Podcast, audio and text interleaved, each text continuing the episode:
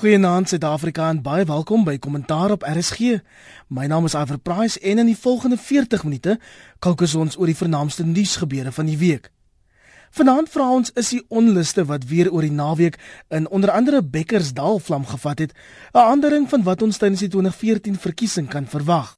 Alles dui op spanning binne die DA en ons vra wat die party se gesplete tong rondom spesifiek die wysigingsontwerp op gelyke indiensneming vir hom kiesers kan kos en ons sit koppe bymekaar oor 'n hofaansoek om advokaat Tuli Madonsela se mond oor president Jacob Zuma se kan laat tuis te probeer snoer. Die paneel vanaand, 'n politieke ontleder professor Erwan Swela by die Universiteit Stellenbosch se skool vir openbare leierskap en 'n bekende koerantman, oudredakteur en politieke kommentator Henry Jeffries. Volg my op Twitter by Iverprice en ek sien uit na jou tweets tydens die program. Bly ingeskakel.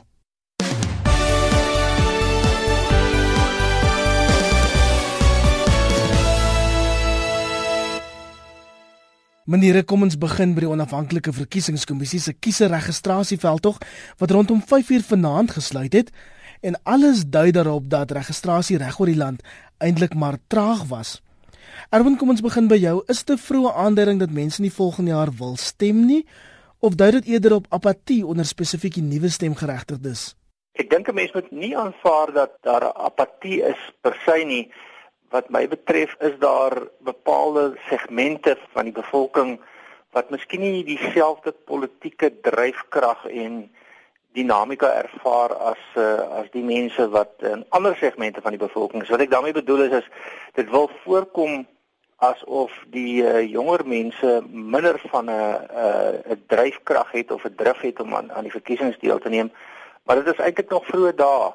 Ehm um, 'n mens moet ook aanvaar dat baie van hierdie boodskappe wat ons kry is juis om mense aan te moedig. Met ander woorde, die politieke kommunikasie wat uitgaan uh, is om te sê, luister, ons ervaar hier is 'n probleem en voordat dit nou te 'n groot probleem raak, praat ons gedurig daaroor, ons kommunikeer dit en op daardie manier probeer ons dan ook die probleem hanteer om dit heel konkreet te maak. Die boodskap wat dan uitgaan is is miskien is daar te min jeugdiges wat uh, registreer, Daarom is ons bekommerd, daarom sê ons dit in die openbaar en daarom hoop ons dat dit dan mense sal mobiliseer om te gaan registreer. So ek dink dit is miskien nog 'n bietjie te vroeg om te sê daar's 'n algemene apatie, daar mag areas wees waar mense bekommernis het, maar ek dink ook 'n mens moet daaraan werk en ons moet maar kyk wanneer dit alles afgehandel is om te sien wat die werklike patroon is. Uh, ek is egter nie te bekommerd nie, daar mag veranderinge wees, verskywings wees in belangstelling maar uiteindelik sal 'n groot persentasie van Suid-Afrikaners hulle demokratiese reg opneem om te registreer en te stem. President Jacob Zuma het gister tydens 'n besoek aan Atteridgeville, hier Wes van Pretoria, die term vrygeborenes as propaganda afgemaak en die president sê die konsep van 'n vrygeborene maak van jong mense idioote want hulle ken die struggle en hulle bly dan nog in townships. Jou reaksie Henry? Dit is te verwagte dat die president so sou reageer want niemand weet eintlik werklik hoe hierdie sogenaamde vrygeborenes sal reageer in die verkiesing. Ons kom nou al baie nader aan die punt waar die hele idee van die bevrydingsstryd begin om af te neem en mense het nie meer dieselfde soort belangstelling in die politiek van verkiesings in 1994 nie. So daai hele bevrydingsdividend wat die ANC sekerlik betref, dink ek is aan die afneem. En ek dink ons het nog gister gesien, weet dat daar sal regtig werk moet gemaak word deur beide die OVK en politieke partye om uh hierdie vrygeborenes te kry om belang te stel in in die politiek en en veral in in die verkiesings. Ek dink ook ons het hier te doen gehad met 'n bemarkingsprobleem. Ek het so gevoel gehad dat die OVK 'n bietjie laat in die blokke gespring met die bemarking van gister se registrasieproses en ek dink hulle sal dit moet aansienlik moet opskerp en dieselfde geld die politieke partye dis maar basies die ANC en die die DA wat plakate uitgehaal het op straat wat gemeenskappe binne gevaar het om mense aan te moedig om te registreer. Maar ek dink net dit was nie genoeg, maar dan wil ek ook met met ons saamstel dat as jy gaan kyk na vorige registrasie uh, inisiatiewe, het dit maar aanvanklik stadig gegaan. Ek is seker of daar nog weer nader aan die verkiesing geleentheid gaan wees vir mense om te registreer nie maar ek dink dit gaan dalk nodig raak. Ons het ook heelwat chaos en geweld gesien by OVK lokale in Bekkersdal en Gauteng, ook by Sterkspruit in die Oos-Kaap, Malamulele in Limpopo, Segwelwani in Noordwes en die Joe Morelong munisipaliteit in die Noord-Kaap en die onluste hou duidelik met diensleweringsbetogings verband, Erwin. Ja, dis natuurlik deel van ons politieke kultuur, iwer ons het al van tevore daarna verwys in die sin dat ons is nog in 'n proses om 'n volwasse demokrasie te word. Wat 'n mens eintlik sal verwag is as die publiek, die burgers, 'n probleem het met dienslewering, is die verwagting eintlik dat hulle juis moet registreer. Is die verwagting dat hulle dan die registrasieproses gebruik om hulle self as dit ware die geleentheid te gee om by 'n volgende verkiesing te kan stem en dan die party of partye uh, te kies wat hulle graag wil hê, wat hulle dink dienslewering kan verbeter of andersom gestel as jy dit negatief wil stel om dan die partye te verwerp wat nie dienste lewer nie. Nou in ons politieke kultuur het ons nog 'n ander verskynsel. Uh dis interessant, ek dink in hierdie week was dit dalk meneer Mantashe of een van die uh, senior ANC leiers wat ook daarna verwys het dat jy nou nie noodwendig vreeslik baat daarbey om 'n nuwe kliniek te kry deur die biblioteek af te brand nie. Ons het 'n ongelukkige politieke kultuur wat nog geres is van die van die struggle kultuur en dit is om te sê dat ehm um, ons politieke mobilisasie is dikwels gewelddadig ons moet nog uitkom by 'n uh, volwasse situasie waar ons sê ons kan ons politieke mobilisasie doen deur die ballot te gebruik en nie die bullet nie, nê, waar die ballot verwys na die stembus en die bullet verwys na ander forme van gewelddadige of destruktiewe gedrag. Nou wat ons dus hier sien is is dat mense sê, maar ons kry nie dienste nie. En in plaas daarvan om die ding te doen wat die demokrasie vir 'n mens die geleentheid voorgee en dit is om te registreer en dan teen die regering te gaan stem, uh, wat nie vir jou dienste lewer nie, gaan jy nou en jy, en jy het 'n klomp diensleweringspetogings en uiteindelik registreer jy ook nie. So dis ons dilemma, maar dis 'n proses uh, van uh, van van geleidelike opvoeding en verbetering wat ons ook moet sê. 'n Mens moet so versigtig wees dat jy nie al die uitsonderings oorbeklemtoon nie. Dit is eintlik sodat ons onafhanklike verkiesingskommissie 'n wonderlike instelling is as 'n mens gaan kyk na die kompleksiteit van verkiesings wat alles in 'n verkiesing ingaan om dit vry en regverdig te maak, dan het ons baie om voor dankbaar te wees in die sin van in groot gedeeltes van die land word dit goed gedoen, dit word reg gehanteer en dan het ons ook die uitsonderings die uitsonderings bewys eintlik die reël. Stem jy saam Henry? Ja, ek dink ons moet onthou dat daar duisende registrasiesentrums oral in die land. Uh, jy kan nie ignoreer dit wat gister op die drie of vier plekke gebeur het waarna uh, jy verwys het nie. Maar ek stem met Aaron saam dat mense nie te veel daarvan maak nie. Dit laat my 'n bietjie wonder oor uh, as dit nou 'n soort van patroon gaan wees. Wat is die implikasies dan vir vir stemdag volgende jaar? Jy weet ons het tot dusver vier uh, vrye regverdige en geweldloose verkiesings gehad, relatief geweldloose verkiesings gehad. En as hierdie ding nou uh, 'n patroon begin ontwikkel, dan dink ek kan dit dalk probleme veroorsaak op stemdag volgende jaar ook. En ek wonder nogal ook oor die implikasies van uitsprake soos die van Gauteng se premier Nomvula Mokonyane wat aan Bekkersdal se inwoners gesê het, sy het nie hulle vuil stemme nodig nie, die ANC het nie hulle vuil stemme nodig nie. En sy het nou gister om verskoning gevra, maar ek vermoed dit is te laat, Erwin. Dit is so dat 'n mens moet natuurlik hierdie goed mooi bekyk eh, in die sin dat daar is 'n klomp onderliggende kwessies. Mense is kwaad oor die feit dat dienste nie gelewer word nie. Mense is kwaad oor die feit dat hulle politieke verteenwoordigers nie behoorlik verantwoording teenoor hulle doen nie. En dan is dit 'n 'n hele eh, stel politieke kommunikasiereëls. My aanname en eh, as ek by Henry moet aansluit is is dat uh, waar jy hierdie tendense sien ontwikkel, moet jy nou nie as 'n leier, as 'n politieke verantwoordelike politieke leier hierdie soort sentimente verder opjaag nie.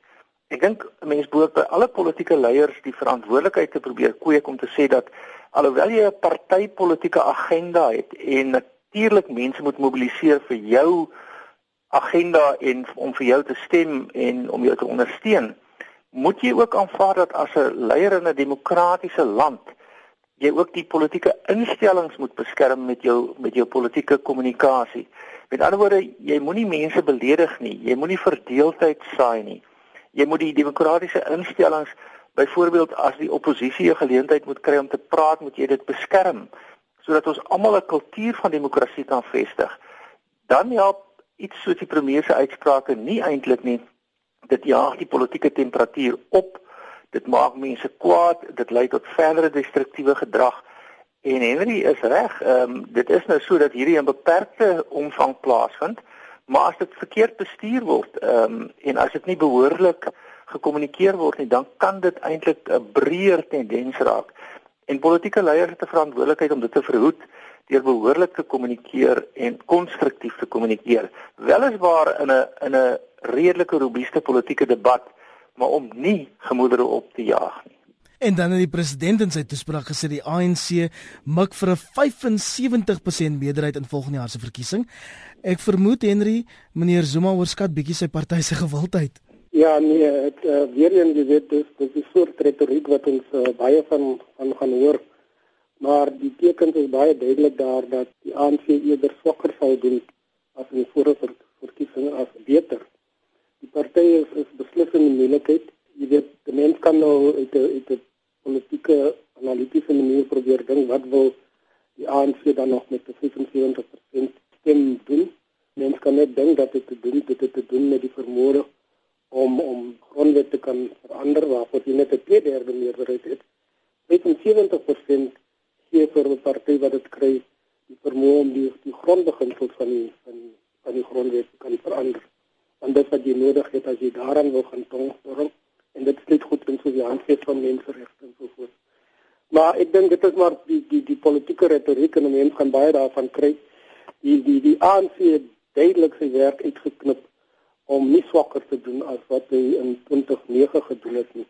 En praatjies van 75% van die van die stemme is sommer maar net dit, weet, dit is net praatjies. Erwin, wil jy 'n vroeë voorspelling waag van wat ons in die 2014 verkiesing kan verwag? Dit is moeilik om 'n voorspelling te maak spesifiek wat getalle betref. So op hierdie stadium kan 'n mens maar kyk na die tendense en sekere strukturele verskuiwings. Nou ons weet voor die vorige verkiesing was daar 'n afsplitsing van Coke Koupe daarin geslaag om 'n redelike wesentlike steen in 'n kort periode te verwerf. Ongelukkig het dit nou in die sand versyfer. Ehm um, dit is nou ongelukkig vir Koupe natuurlik. Ehm um, vir ander mense miskien nou nie of ander politieke partye nou nie. Hoe dit ook al sê, ons sien 'n voortdurende proses in die politieke dinamika en spesifiek ten opsigte van herstrukturering in die politiek dat daar sulke afsplitsings plaasvind. Dit sal my verbaas as die uh, ekonomiese vryheidsvegters 'n groot hoeveelheid steen kry, maar dat hulle 'n steen kan kry wat hulle ten minste ehm um, in die parlement gaan bring is waar en waarvan gaan hulle die steen haal? Hulle gaan die steen sekerlik nie sommer van die DA haal nie. Ehm um, so dit moet van die ANC se kant af kom of miskien van die kleiner partye wat al van tevore van die ANC afgesplit het. Ons weet daar's 'n gang wat uh in dieselfde waters vis. So as as 'n mens hierdie soort tendense waarneem sonder dat jy nou noodwendig getalle daarop kan plaas plus die uh die spanning tussen die drie party alliansie vennote wat dit ook lyk asof daar 'n uh, 'n uh, 'n strukturele kwessie is dan wil dit my tog voorkom asof uh, president Zuma se aanname van 75% beduidend optimisties is my aanvoeling is is dat hulle afskuif die ANC na iets onder die 60%. Ehm um, maar dit is 'n baie vroeë voorspelling. Daar's nog soveel dinge wat in die politieke dinamika kan gebeur dat 'n mens nie op hierdie stadium voorspellings kan maak nie. Daar is egter strukturele aanduidings en en politieke dinamika aanduidings dat daar verskywings aan die plaas vind is en wat nie abnormaal is vir 'n volwasse wordende demokrasie nie. En nou dat die kiesersrol vir die volgende nasionale verkiesing moontlik voltooi is, is daar selfs meer druk op die amptelike oppositie, die DA, om sy huis in orde te kry. Beeld beskryf die spanning onder die leiers as oorlog en die bekgeveg is onder andere tussen die DA leier Helen Zille en Lindiwe Mazibuko, die parlementêre leier. Hendrik dink die DA het 'n baie slegte tyd gekies vir 'n familiegeveg. Ja, en klink vir my dit 'n ding wat al 'n lang pad aankom, soos wat die burger dit gister gesê het, die volke het behoorlik gespat. Nou dit gaan hier oor uh, die DEA se steun in die parlement vir regstellende aksie wetgewing, swart bemagtiging wetgewing wat mense in die DEA en ek dink dit het baie meer te doen met die ou DEA hoe op 'n rassistiese grondslag gedoen is. En jy weet dat self iemand soos Tony Leon, die voormalige DEA leier, om daaroor uitgespreek het deur te sê dat as die DA nie die teenvrye wetgewing onttrek nie, sal hy niks beter as die ANC wees nie. Nou dit is baie baie sterk uh sterk woorde. Uh dit laat die DA met 'n tamelike tamaletjie want uh mens kry die indruk dat uh, die die die die wetgewing het die steun van swartlede van die DA. So binne die party raak dit nou ook iets, iets wat van 'n van 'n swart wet kwessie. Uh hulle sê dat sy in en Lindy Mazibuko uh is is is is nie die het hulle hulle is kwai kwaad vir mekaar oor die ding nie. Maar en en Mazibuko het weer gevoel dat die ingryping van buitekant die uh, die parlement uh vir vir binnekring uh, uh het dit maak inbraak op haar haar uh, rol as die leier die parlementêre leier van die van die DA. Dit is 'n lelike geveg en 'n mens van dit moet goed dophou want soos jy sê ek dink nie dis die ideale tyd uh wanneer hulle nou moet saamtrek om 'n verkiesing te gaan veg om die soort van gevegte te hê. Maar dit gee ook vir jou 'n aanleiding dat die DA is ook maar besig om te verander. En enige idee dat die DA 'n suiwer liberale party kan bly of nog is, dink ek is 'n bietjie dik vir 'n daalder. Erwin soos Henry tereg opmerk, die wortel van daai binnengevegte is die DA se ja-stem in Oktober vanjaar vir die wysigingsontwerp opgelyke indiensneming. Hulle het natuurlik donderdag die steun daarvoor teruggetrek, maar dit lyk tog vir die publiek of die party bietjie 'n gesplete tong het, um, Erwin. Die gesplete tong analogie is 'n interessante een. Kom ons sê maar net dat daar is in alle politieke partye ook 'n uh, uh, uh, sal ons sê sistemiese uh, dinamika 'n sistemiese stel spanninge en veral in die Suid-Afrikaanse konteks waar die politiek 'n moeilike proses is van bymekaar bring um, en mobiliseer is dit eintlik nog meer sistemiese spanning. 'n Mens moenie die indruk kry dat politieke partye alhoewel hulle die front na buite skep dat hulle nou hierdie absolute konsensus het nie. Iemand het op 'n stadium gesê politieke partye alhoewel hulle hierdie eenheidsfront aan buite voorhou is dit ons maar 'n los faksie van oorlogvoerende stamme. En uh, in die proses is daar stelsel kwessies.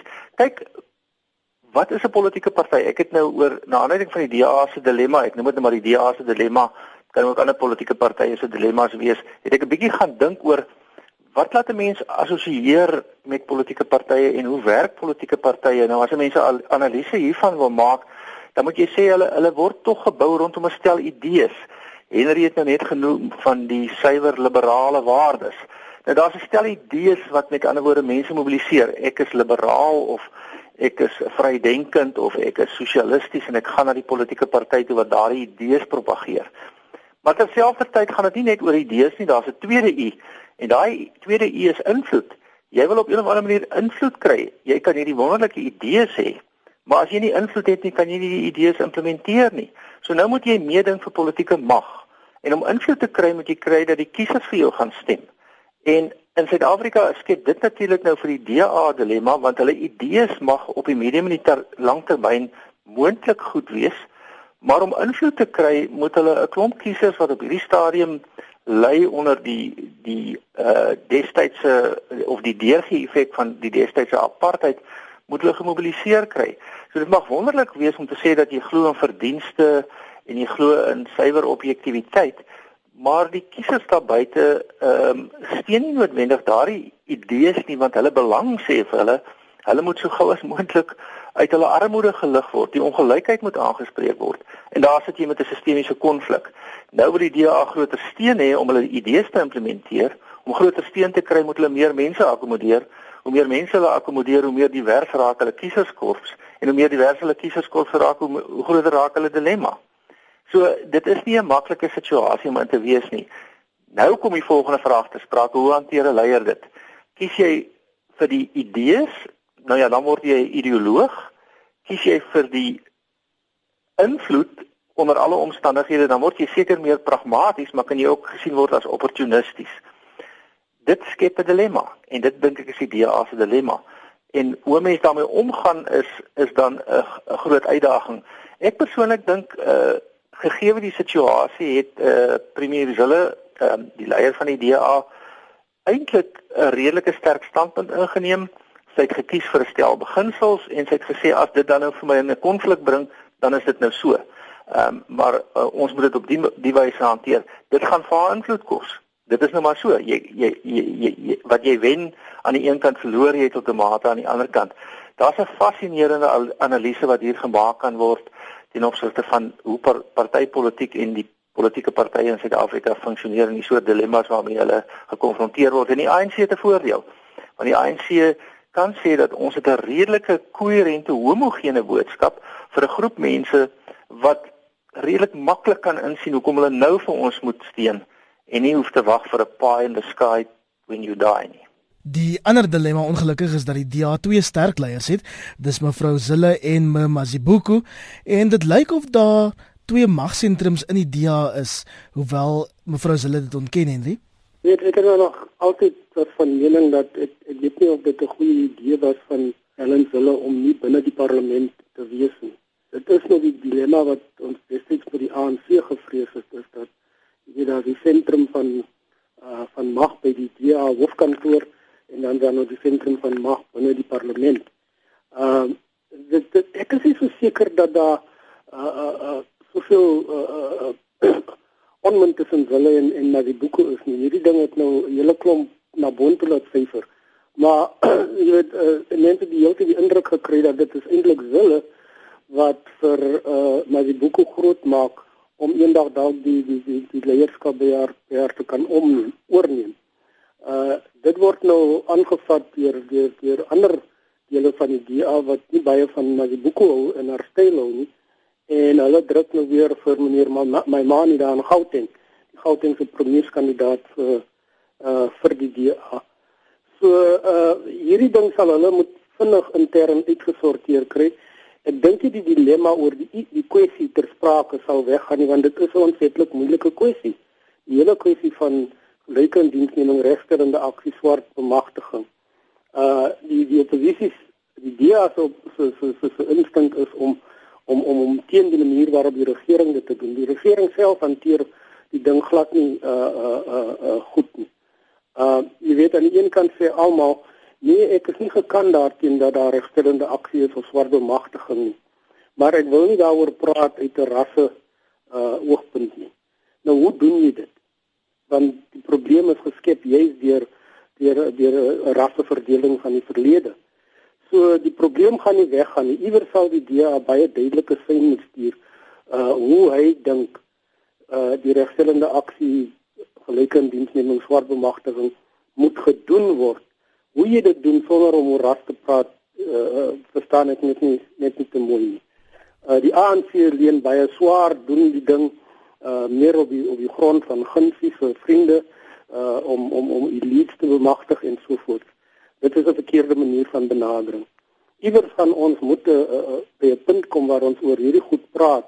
En ek dink jy weet o Joe Slow het destyds gepraat van 'n sunset clause in die grondwet vir sekere goed om uh gedoen te word en dan afgesluit te word. En ek dink dit is die pad vorentoe vorentoe vir hierdie kwessie. Maar om dit nou in 'n rasse debat teer mekaar mee te maak, dink ek nie help baie nie. En almal van ons weet tog hoe afhanklik die DA van swart steen is, Erwin. Ek sien op die sosiale media dat baie invloedryke jong swart kiesers nou sê, "Hokkie, stop die lorry. As julle nou nee sê vir rassekwotas, kan ons net sowel vir 'n ander party stem." Dis presies nou die situasie waaraan 'n mens uh, wat die DA betref nie wil beland nie. Hulle kan dit verskillende maniere hanteer, maar as dit as dit beginne uh, afbreek in 'n bepaalde rassekategorisering, dan verloor hulle nie net ten opsigte van die invloed nie, maar hulle verloor ook ten opsigte van die meer suiwer idees. Die DA se idee as ek dit reg verstaan is is om juist te sê dat ons gaan vir 'n vorm van verdienste, dit is 'n soort kleurblinde verdienstelikheid wat ons propageer. Uh aan die ander kant sodra die DA wat eintlik maar 'n refleksie moet wees as hulle effektief wil wees binne die Suid-Afrikaanse politieke domein, sodra hulle die die Suid-Afrikaanse demografie meer en meer beginne weerspieël, dan het jy nie meer die voorreg of die luukse van die suiwer onderskeidings nie. Dan is die intellek en die idees uh, miskien uh, analities interessant en en waardevol, maar dan is jy in pragmatiese politiek in. En dan moet jy op een of ander manier 'n beleidsstandpunt vind wat in staat is om by die kiesers uh aan aanklank te vind en wat jou uiteindelik invloed gee. En dit is die dilemma. Dit gaan dan natuurlik ook oor leierskap en binne politieke partye omdat politieke partye weg werk met die met die ehm um, die geldeenheid of die die currency van mag is daar ook mededinging van mag binne die politieke party. So mense wil graag daar ook posisies van invloed hê. Maar uiteindelik uh, is dit nie in die DA se belang om hierdie ding uh, te forceer op 'n wyse sou ek sou ek reken waar dit uh, ook ook 'n rasse konnotasie selfs binne die DA begin kry nie. Dan dink ek het 'n mens se eerste klas dilemma. Intussen het die ministers van polisie, openbare werke, verdediging en staatsveiligheid hulle tot die hof gewend om die openbare beskermer se verslag oor opgraderings van meer as 200 miljoen rand aan president Jacob Zuma se Nkandla woning geheim te hou. Advokaat Tuli Madonsela se lankverwagte ondersoek hieroor is voltooi, maar Henry dit lyk nie of die verslag baie gou openbaar gemaak kan word nie, want dit bedreig nog glo staatsveiligheid en die veiligheid van die president. Wel, dit is wat die ministers nou aanvoer uh en daarom is hulle na die hof toe Vrydag om te keer dat die verslag bekend gestel moet word. Hierdie lê vir my net na nog 'n uh, uh, aanslag op die op die openbare beskermer. Ek dink sy sy sy sy het dalk 'n bietjie hierdie slag uh volkeer deur die die die verslag uh uh, uh nie te, te stuur aan die, aan die aan die mense wat wat, wat daarbey betrek word eers te doen. Maar dit bly interessant dat uh die regering en die ANC alles in hulle vermoë wil, wil doen om te keer dat dat die Suid-Afrikaanse publiek agterkom wat presies het gebeur met Nkandla en hoekom het die boude af daarvan uh, die belastingbetalers so baie geld gekos. Uh en dis is maar net nog 'n faset dink ek hierdie want ons het gehoor wat Kwedi Mantashe gesê het uh, oor oor oor uh, oor uh, met, met Madam Sela se opmerking dat uh, die publiek dalk nie sal hou van wat in die verslag staan nie. Hy het dit onmiddellik uh daarop gespring en en en, en dat blyk dat hy reken dit wys vir jou dat sy ander uh, uh mense se belange dien eerder as die, openbare belang. So ek dink hier is nou 'n uh, uh, groot aanslag op die openbare beskermer en dit is glad nie goed vir vir vir die grondwetlikheid in die land nie. Uh sy is 'n baie baie dapper amptenaar, baie eerlike en reguit amptenaar en min mense wat wat wat in haar versuur kom hou van wat sy bevind en wat sy bekend maak oor oor oor oor daai bevindinge. En hierdie slag lê dit vir my word 'n groot poging aangewend om te keer dat ons die waarheid agterkom oor wat by Nkandla aangegaan het en ek dink dit het bitter min te doen met die president se veiligheid of enige sekuriteitsaspekte. Maar bygesê Natim Tetwa die minister van polisie sê hulle het op 1 November die verslag van 357 bladsye ontvang. Advokaat Madonsela het hulle net tot 6 November tyd gegee om daarop te reageer met ander woorde 6 dae, 5 dae. Dit klink tog 'n bietjie onredelik, Erwin. Ek dink daar's 'n hele aantal dimensies hier ook. Kom ons begin net eerstens deur te sê dat uh, kom ons praat oor die geskiedenis van die hierdie hoofstuk 9 instellings en die en die verskil tussen die instelling en die individu wat dit beklee. Kyk ons het al van tevore mos nou ook openbare beskermers gehad. Ehm um, ons het 'n meneer uh, dink ek Lawrence Mushwana gehad. En sommige mense het soms spottenderwys gesê hy was 'n party protector, not a public protector. En uh, dit dit dit wys eintlik op die verskil tussen die amp en die amptsbekleer. Uh van dat advokaat Maronsela die amp oorgeneem het, is daar 'n ander amptsbekleer en sy as 'n individu het heeltemal 'n ander styl. Uh die vorige openbare beskermers het dan lyk dit vir my nie eintlik ooit die partytetiese probleme of die staatsprobleme of die regeringsprobleme uitgewys nie en daarom was hulle eintlik nooit in 'n kontroversiële situasie betrokke nie. Ehm um, advokaat Maronsela lyk dit vir my is baie ernstig om 'n ondersoek te doen en 'n onafhanklike mening te hê. Dit bring haar in konflik met maghebbers. Ehm um, mag verdra nie beheer nie. En daarom het sy voortdurende uh, konflikte. As sy altyd verslae uitgebring het wat positief was teenoor die regering, sou sy mos nou nie 'n probleem gehad het nie, maar sodra sy begin probleme skep, dan het sy uit die aard van die saak teenstand en weerstand. So dis dis dink ek eerstens daar's 'n geskiedenis hier en sy doen 'n uitstekende werk hiervan soos soos Henry ook gesê het. Die tweede aspek wat ek dink ons moet na kyk is dan na Nkandla. As daar niks was om weg te steek nie, dan sou dit mos nou maklik gewees het as ek en jy sekuriteitsreëlings by ons huise tref en ons betaal self daarvoor omdat daar hoë misdaadvlakke in ons buurte is, dan vra niemand vir ons daaroor vra nie, ons hoef ook vir niemand daaroor verantwoording te doen nie want ons het dit betaal en dit is vir ons eie veiligheid. Nou die vraag is is hoekom is hierdie die groot kwessies? Daar is 'n gedeelte van waar dat as jy 'n amp beklee, uh soos die van president Zuma, is daar veiligheid en sekuriteitsrisiko's en daarvoor moet die staat kompenseer. Maar nou is dit 'n vraag, wat is 'n redelike kompensasie? Hoeveel ampswonings en hoeveel privaat wonings moet die staat voorbetaal en wat is die aard en die omvang van daai betaling? So as jy nou by die vierde amptelike nie amptelike woning kom en die bedrag is 200 miljoen, dan ontstaan die vraag is dit nou 'n redelike en bekostigbare bedrag om te betaal vir 'n geregverdige sekuriteitsoorweging? Die derde punt is is dit gaan saam met wat ons hier sien as 'n ontwikkelende dinamika. En dit is naamlik dat dit lyk vir my asof daar nou 'n patroon ontstaan het dat jy bly so ver as moontlik vir so lank as moontlik met hierdie goed uit die moeilikheid uit deur uit die hof uit te bly as jy aangekla word of as jy ondersoek word deur so lank as moontlik die ondersoek in die doofpot te hou. Dis 'n patroon waaroor ons bekommerd kan wees. Want eintlik poort mense te sê kyk ek het niks om weg te steek nie. Ek aanvaar dat gaan 'n ondersoek wees, maar omdat ek niks om weg te steek het nie, gaan ek alles deel met die ondersoek. Die ondersoek gaan vinnig afgehandel wees. Die uitslae gaan bekend gemaak word of ek word verdink van sekere misdade of ongeruimthede. Ek het niks om weg te neem nie. Ek gaan hof toe. Ek bewys my onskuld want dit is maklik en die probleem is opgelos.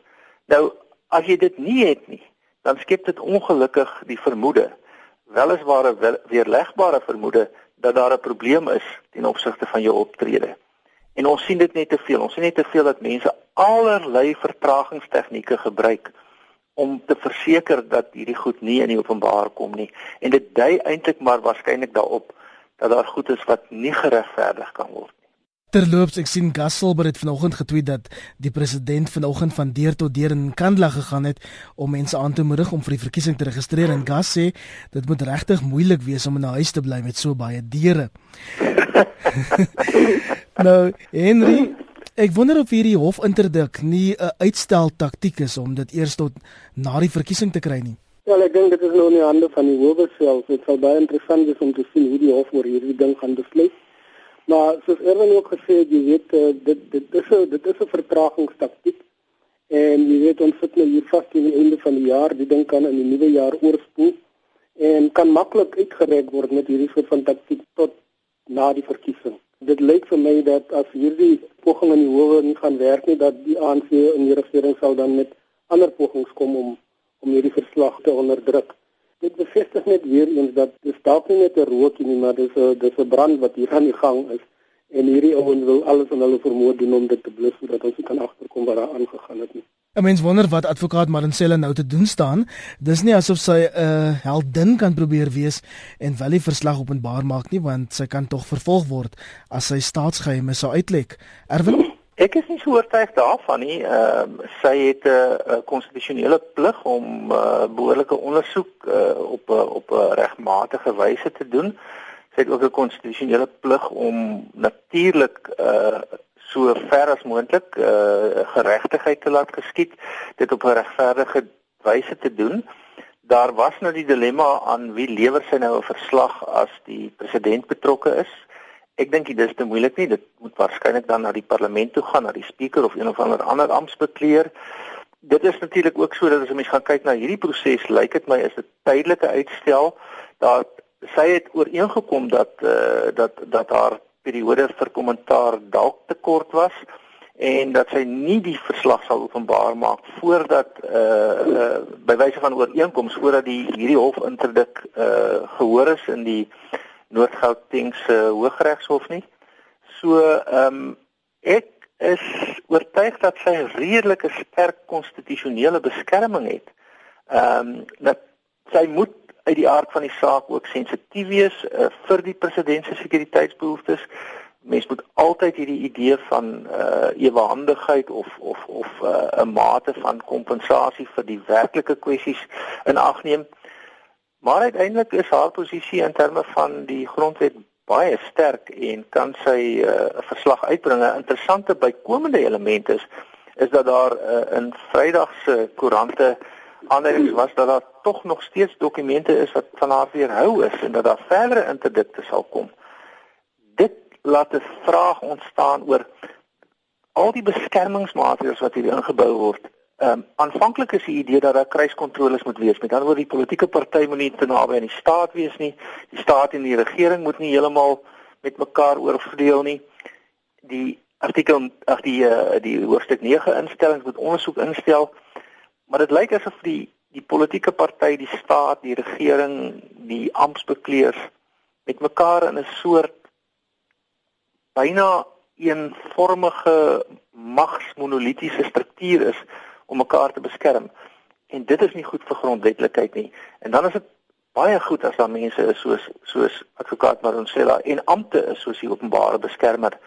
En ek hoop uh, die openbare beskermingsamp en sy as 'n individu gaan haar bevoegdhede gebruik om ons konstitusionele demokrasie te beskerm. Ten slotte Henry, wat is jou raad aan advokaat Maronsela? Wel ek dink sy moet wag op die hof. Ek dink dit is 'n goeie ding dat sy nog meer tyd wil gee. Ek dink sy sy moet meer tyd gee en dan moet sy skerpheid hê vir die reaksie van die regering af.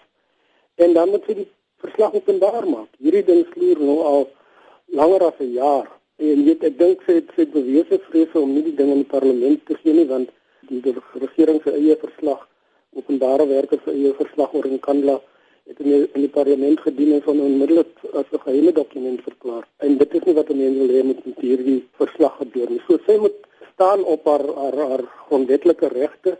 Uh, Daar's baie groot duidelikheid oor wat haar werk is.